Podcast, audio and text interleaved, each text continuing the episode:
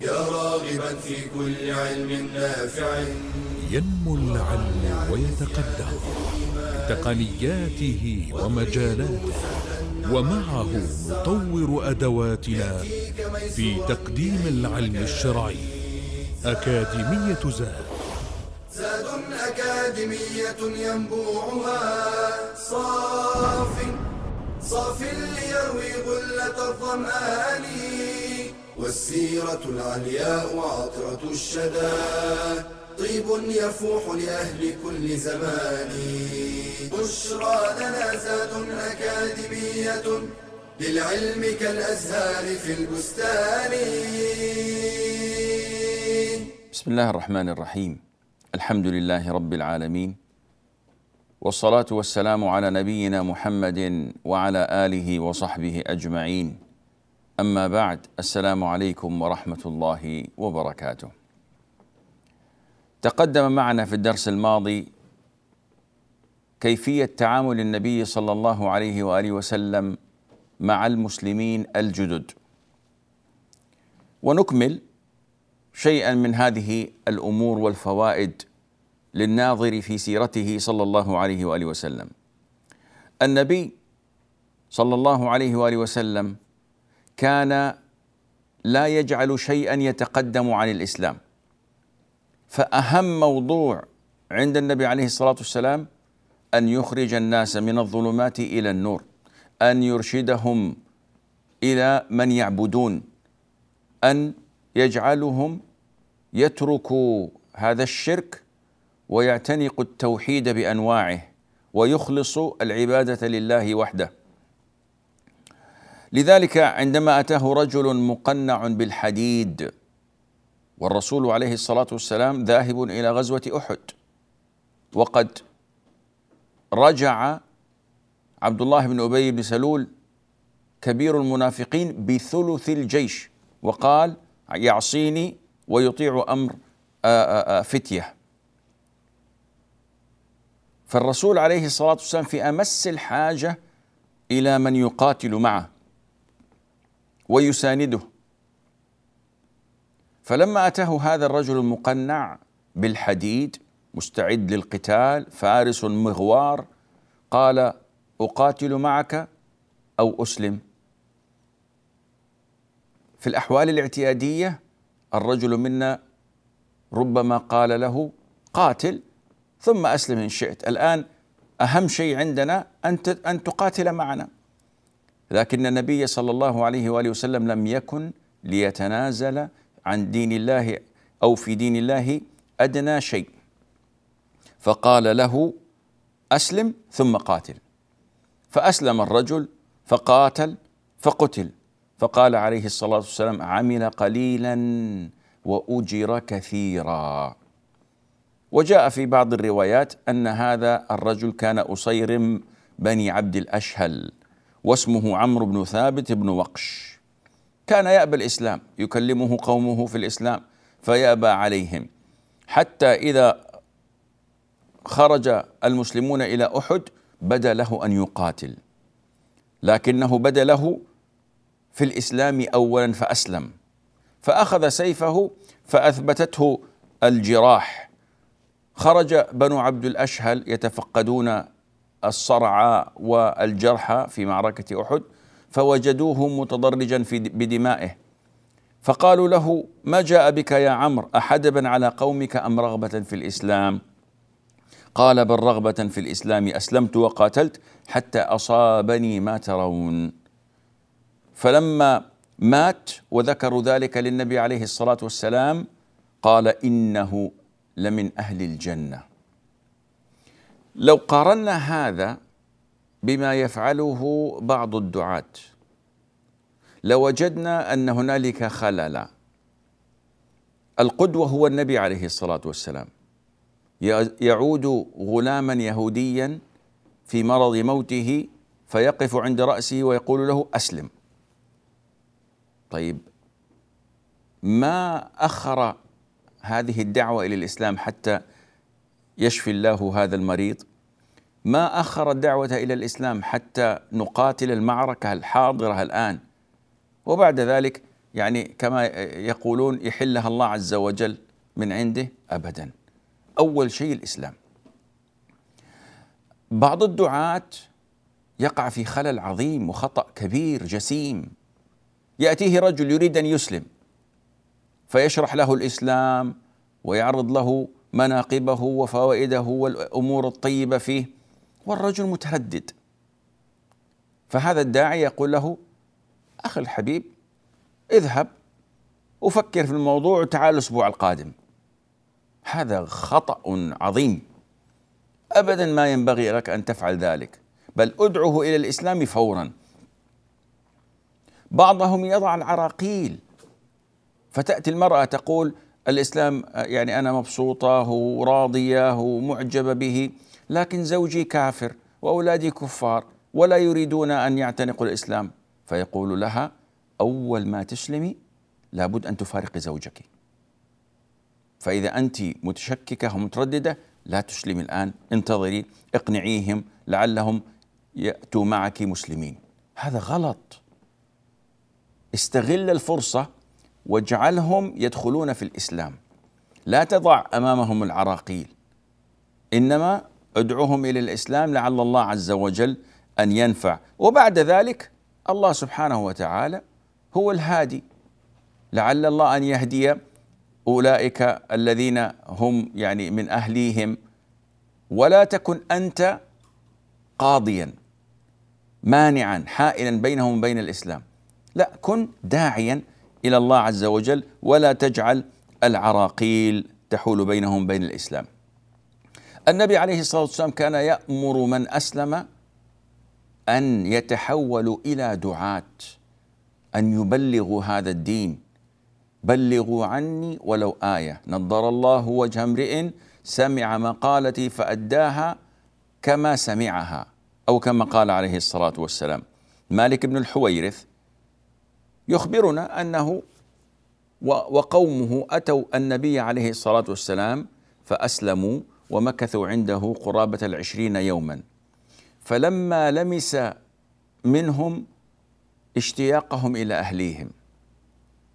رحمهم صلى الله عليه وآله وسلم وأمرهم أن يرجعوا إلى قومهم.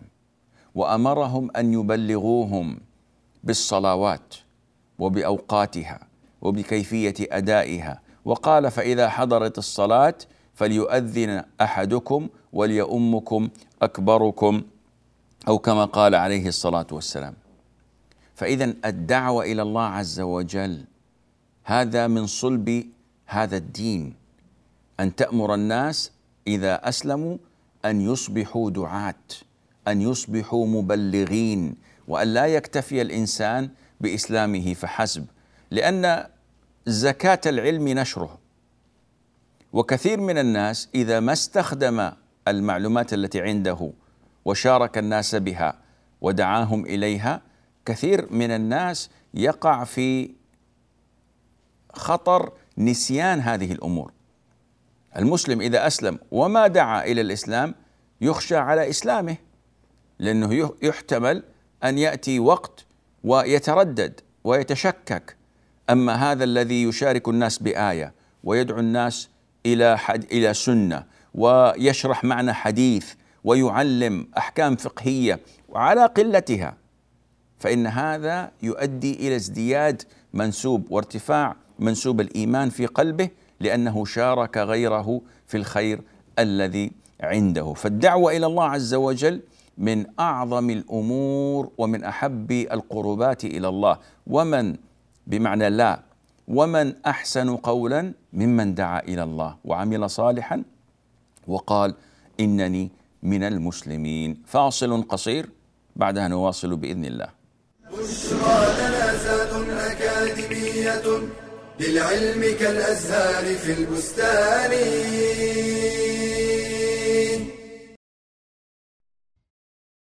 تسهر وتتعب تراقب وتتابع تشكل حلقة وصل بين الطبيبات والمريضات تقوم على المرضى قبل وبعد العمليات.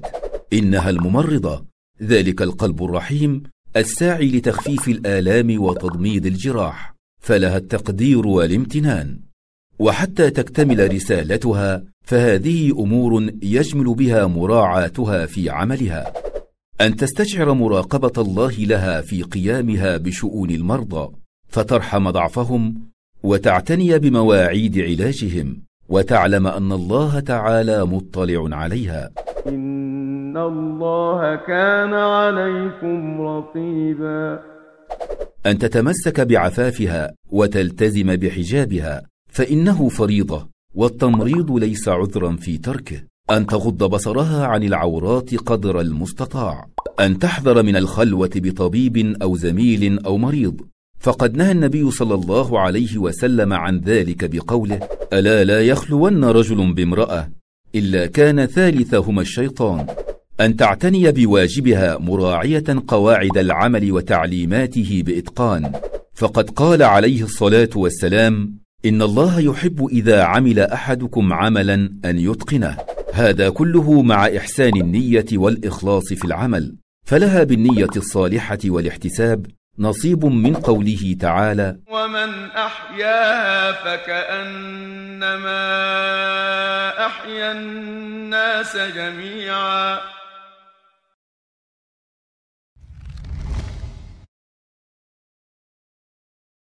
بشرى لنا زاد أكاديمية للعلم كالأزهار في البستان السلام عليكم ورحمة الله وبركاته. الدعوة إلى الله عز وجل من أعظم الأمور في دين الله سبحانه وتعالى.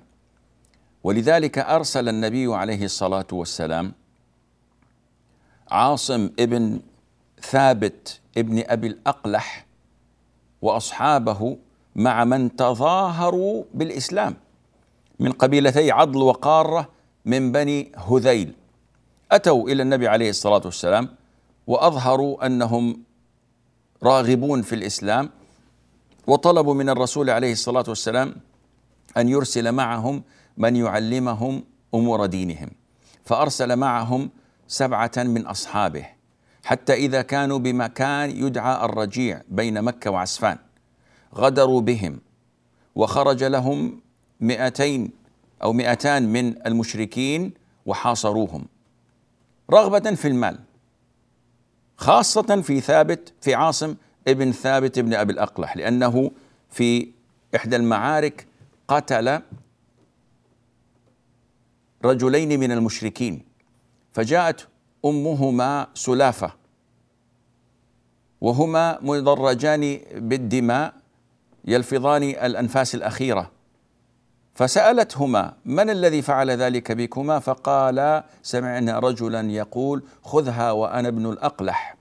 وهو عاصم بن ثابت رضي الله عنه. فحلفت أن تشرب في قحف رأسه في جمجمته الخمر. ووضعت جائزة لمن يأتيها برأسه. فعاصم بن ثابت قاتل وأبى أن يستأسر. المشركون عرضوا قالوا ما نريد بكم شرا لكن نريد أن يعني نأسركم ونأخذ فدية عنكم ونبيعكم في مكة. من الصحابة من رضي. ومنهم من أبى. فقاتل حتى قتل. ومنهم عاصم بن ثابت قال اللهم كما حميت دينك أول النهار فاحمي جسدي آخرة. يعني لا تجعل مشركا يمس جسدي. وكان مذ أسلم قد بايع الله أن لا يمس أن تمس يده يد مشرك. عزة في الدين عجيبة. فلما قتلوه وعلوه بالنبل حتى مات أرادوا أن يجزوا رأسه. فسلط الله تعالى عليهم الدبر الدبابير. فقالوا ننتظر حتى تغرب الشمس يذهب الدبر ثم نجز رأسه. فلما غربت الشمس وأرادوا أن يأخذوه أرسل الله سيلا فاحتمل جسده ولا يدرى أين ذهب السيل به. والقصة معروفة وليس هذا مكان تفصيلها لكن الشاهد أن الرسول أرسل عليه الصلاة والسلام مع هؤلاء الذين تظاهروا بالإسلام أصحابه لكي يدعوهم إلى الإسلام. وكذا فعل عندما أرسل سبعين من القراء من أولئك الذين يحفظون القرآن إلى نجد ليدعو أهلها فغدر بهم رئيسهم عامر بن الطفيل وكان من الصحابة خال أنس بن مالك حرام بن ملحان الذي وهو يدعو عامر بن الطفيل أشار عامر الكافر إلى أحدهم فغدر به من خلفه فطعنه طعنة بالرمح أنفذها من صدره. فقال حرام بن ملحان رضي الله عنه لما استشعر الموت فزت ورب الكعبة. سبحان الله هو يموت ويقول فزت ورب الكعبة. فهل توقف الصحابة عن الدعوة إلى الله عز وجل بسبب هاتين الحادثتين؟ الإسلام لابد فيه من تضحيات.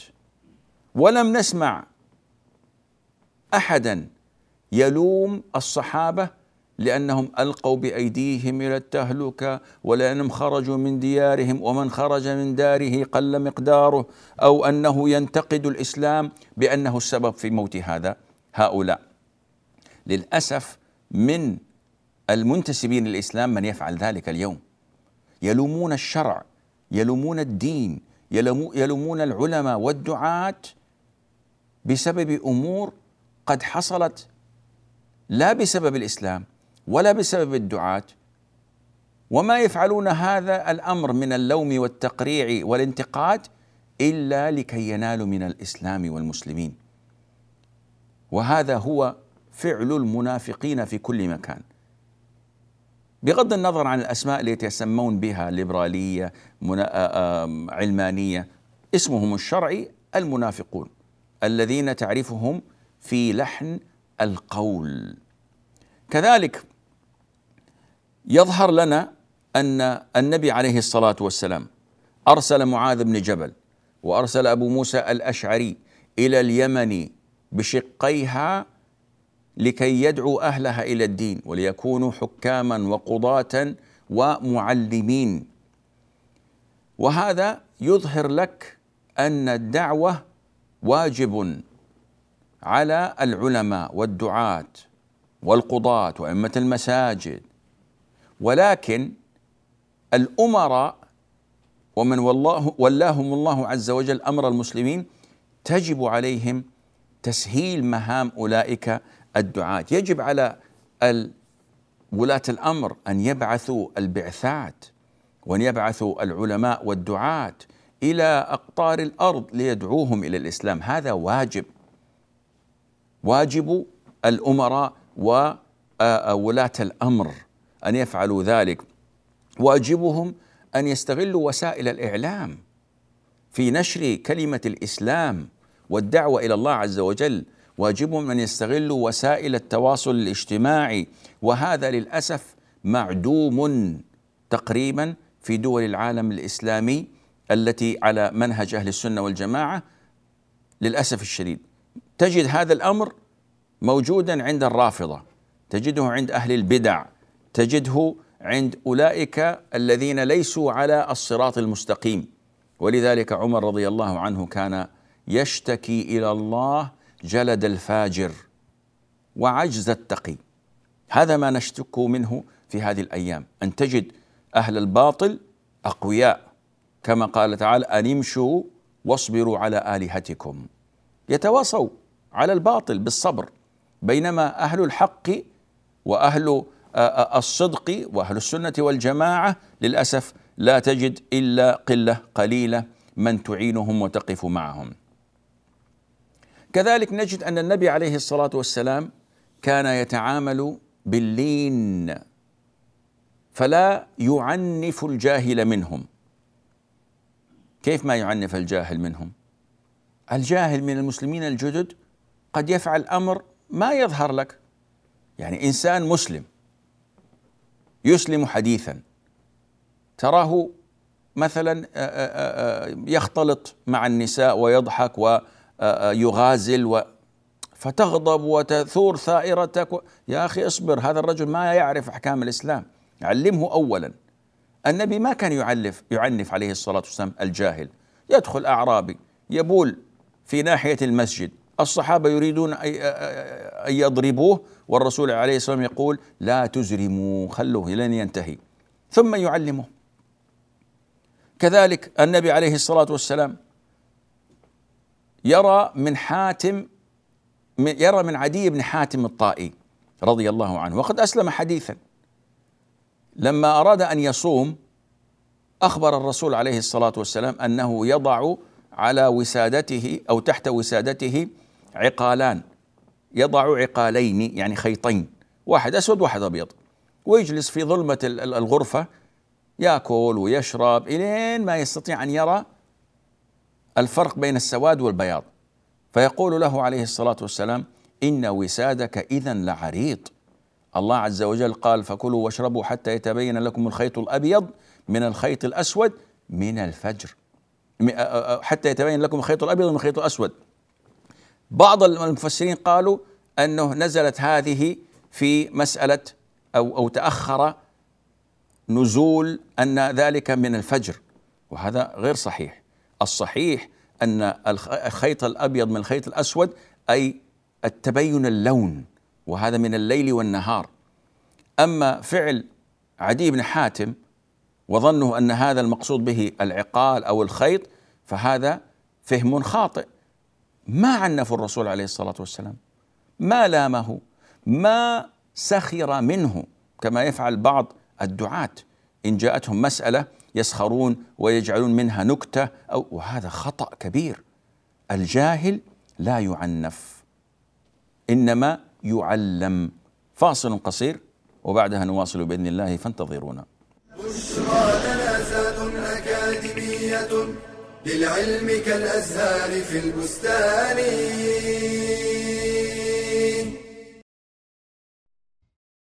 تقول إحدى الأمهات: لم أستطع أن أتمالك نفسي من الغضب عندما تلفظت ابنتي البالغة من العمر خمس سنوات بألفاظ بذيئة أثناء زيارة صديقة لي. أحسست بالأسف والإحراج، ولم أدر كيف أتصرف من شدة الغضب. كثيرا ما ينطق الأطفال بكلمات مزعجة تتسبب في شعور الوالدين بالأسف والحرج والخوف من انفلات الطفل اخلاقيا. والحقيقة التي لا ينبغي تجاهلها أن الألفاظ اللغوية لدى الطفل يكتسبها فقط من خلال محاولته تقليد الآخرين وغالبا ما يكون غير مدرك لأبعاد معانيها. ومن المهم المبادرة بعلاج هذه المشكلة بصبر وحكمة قبل أن تتحول إلى عادة وسلوك ويكون ذلك من خلال التجاهل وعدم إبداء انزعاج ملحوظ عند سماع كلمة نابية من الطفل لأول مرة حتى لا يكون لها أهمية لديه أو تأثير. عدم استقبال الكلمة بابتسامة أو ضحك ونحوه عند سماعها كي لا يتشجع عليها فإنه سيتركها من تلقاء نفسه. إظهار الرفض التام لهذا السلوك وذم هذا اللفظ علنا إذا تكرر. مراقبة اللغة المتداولة في محيط الطفل. مراقبة البرامج الإعلامية التي يتابعها. مخاطبته باللغة التي ترغب في أن يخاطبك بها. تطوير مهارة التفكير لديه. وفتح باب الحوار معه. تعويده على الأسف والاعتذار كلما تلفظ بكلمة بذيئة. إذا لم يستجب الطفل بعد مرات من التنبيه يعاقب بالحرمان من شيء يحبه مع تنبيهه إلى أن الكلمة البذيئة من وحي الشيطان وتذكيره دوما بقول رسول الله صلى الله عليه وسلم ليس المؤمن بالطاعان ولا اللعان ولا الفاحش ولا البذيء.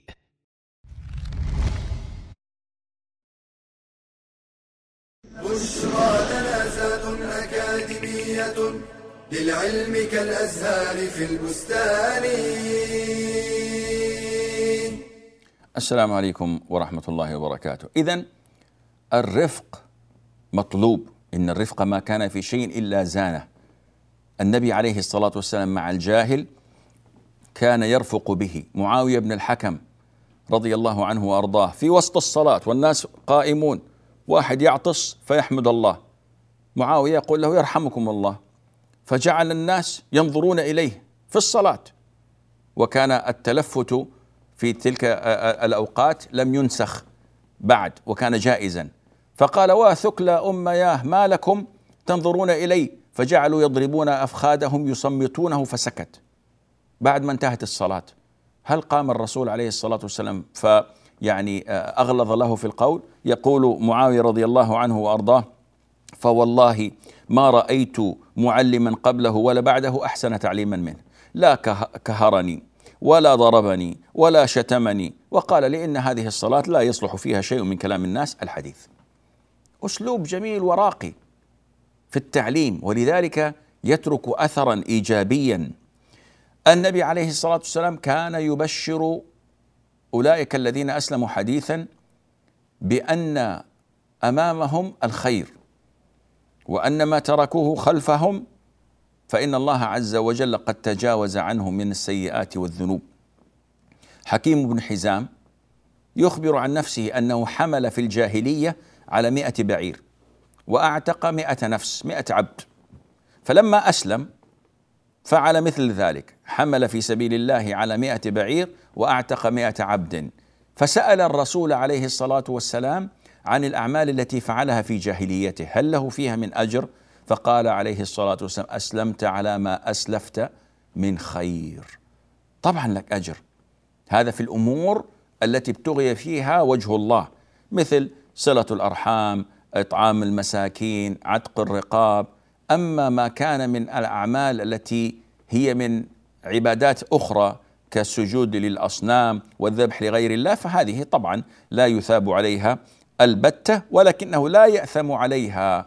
لماذا؟ لأن عمرو بن العاص رضي الله عنه عندما أراد أن يبايع قبض يده فقال يا رسول الله أريد أن أشترط لنفسي. فقال له عليه الصلاة والسلام يا عمرو أما علمت أن الإسلام يجب ما قبله؟ فإذا لا تشيل هم الأمور التي آه، سبقت من ذنوب ومعاصي ما دمت قد أسلمت فقد آه، آه، عفى الله عما سلف. النبي صلى الله عليه وسلم كان إذا دخل الداخل في دين الله وفي الإسلام كان يمدحه بما فيه من خصال الخير. وهذا هو منهج العدل والإنصاف. يشجعه يبرز الجوانب الإيجابية ويستر الجوانب السلبية. ابن عباس رضي الله عنهما قال قال رسول الله صلى الله عليه وسلم لأشج عبد قيس قال إن فيك خصلتين يحبهم الله الحلم والأنات. شوف هذا أسلم حديثا ومع ذلك يمدحه الرسول عليه الصلاة والسلام بالأخلاق التي فيه وبخصال الخير التي عنده. قارن هذا مع أولئك الذين ما يتركون شاذة ولا فاذة إلا وينتقدون العالم الفلاني. أو الداعية الفلاني أو القاضي الفلاني أو إمام مسجد أو طالب علم ما يدعون أحد إلا ويقولون هذا فيه كذا وكذا وهذا قال في مجلد كذا وفي صفحة كذا. يتتبعون أخطاء الناس وزلاتهم وهفواتهم أو أي اجتهاد بدر منهم فيصنفونهم ويطلقون عليهم الألقاب. فيقولون هذا من أهل الأهواء. هذا هذا من أهل البدع. هذا فلان قطبي هذا سروري هذا فيه كذا وهذا فيه كذا. ألفاظ وألقاب ما أنزل الله بها من سلطان. وسبحان الله هذا من الخلل. لأن الله عز وجل أرشدنا إلى منهج العدل. طيب إذا قيل لهم اذكروا ما فيهم من حسنات قالوا لا. إحنا ما نذكر إلا عيوبهم. الأصل أن الحسنات عند كل أحد. أما العيوب والزلل لابد أن نحذر الناس منهم. الله عز وجل قد مدح النصارى وهم كفار وهم الذين يجعلون لله ولدا.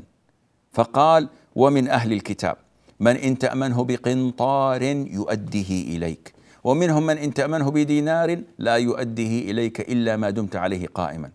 فمدحهم الله عز وجل بأن فيهم ومنهم من يؤدي الأمانة ولكن هؤلاء القوم سبحان الله يكتمون المحاسن والفضائل يبرزون الأخطاء لينفروا الناس عنهم ولا يدعون إلا من يتبع سماحة العلامة فلان وفلان وفلان ثلاثة واربعه من مشايخهم هؤلاء هم الذين لا يشق لهم غبار وهؤلاء الذين لا يأتيهم الباطل لا من بين أيديهم ولا من خلفهم. نسأل الله العافية. فأصبحوا كالذباب ما يقع إلا على القاذورات. ما يروا المحاسن ما يروا الأشياء الطيبة. النبي عليه الصلاة والسلام كان يتألف من أسلم من هؤلاء المسلمين الجدد بالمال والمعاملة الحسنة كي يثبتوا على الدين. سعد بن أبي وقاص رضي الله عنه أخبر أنه عندما أعطى النبي عليه الصلاة والسلام رهطا من ال ال ال الناس وأنا جالس معه وهنالك رجل من المسلمين لم يعطه وهم وهو أعجبهم إلي. فقلت يا رسول الله ما لك عن فلان؟ والله إني لأراه مؤمنا. فقال عليه الصلاة والسلام أو مسلما. وسكت. ثم ما لبث إن أعاد عليه الجملة. ما لك عن فلان يا رسول الله فإني والله لاراه مؤمنا والرسول يقول مسلما. ففي الثالثة قال أو مسلما يا سعد إني لأعطي الرجل وغيره أحب إلي منه خشية أن أن يكب في النار على وجهه. اذا النبي عليه الصلاة والسلام عندما يتصرف فإنه يتصرف بحكمة وبعلم وكثيرا ما تحصل مثل هذه الأحوال طبعا مع الفارق الكبير. عندما يقوم مثلا مسؤول أو أحد ولاة الأمر بعمل وننكر ذلك. ونقول يا أخي كيف يفعل هذا؟ كيف يعطي البلد الفلاني مبلغ من المال؟ وهم فعلوا وفعلوا وفعلوا. وقد تكون عنده فكرة نحن لا نعلمها. قد أنه يخطط لأمر لمصلحة البلاد والعباد وللدين ولغير ذلك. ونحن لا تظهر لنا هذه المصلحة. فمن الخطأ أن يتحدث الإنسان في ما ليس من ضمن صلاحياته. شيء أعلى منه بكثير. ولذلك الرسول عليه الصلاة والسلام بين الحكمة لسعد الذي ما استطاع أن يراها أو أن يفهمها من أول مرة. الرسول عليه الصلاة والسلام أعطى رجلا غنما بين جبلين يتألفه وأعطى المؤلفة قلوبهم مئة من الإبل حتى أن الأنصار وجدوا في أنفسهم. الرسول عليه الصلاة والسلام لما أصاب الغنائم يوم حنين وقسم للمؤلفة قلوبهم من قريش وسائر العرب ما قسم لم يكن للأنصار شيء منها أبدا. فجاء سعد بن عبادة إلى الرسول واشتكى قال ترى القوم من الحي من الأنصار وجدوا في أنفسهم. فقال وأنت ماذا في ماذا تجد في نفسك؟ قال ما أنا إلا امرؤ من قومي. قال اجمع الأنصار ولا يكن معهم أحد في حظيرة. فجمع الأنصار كلهم.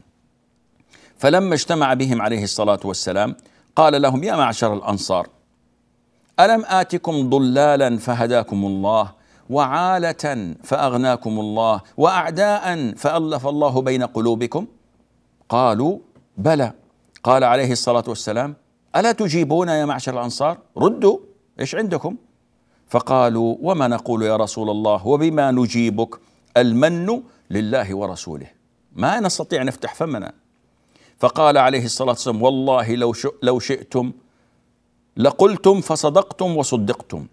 جئتنا طريدا فآويناك. وعائلا فآسيناك. وخائفا فأمناك. ومخذولا فنصرناك. فقالوا المن لله ورسوله.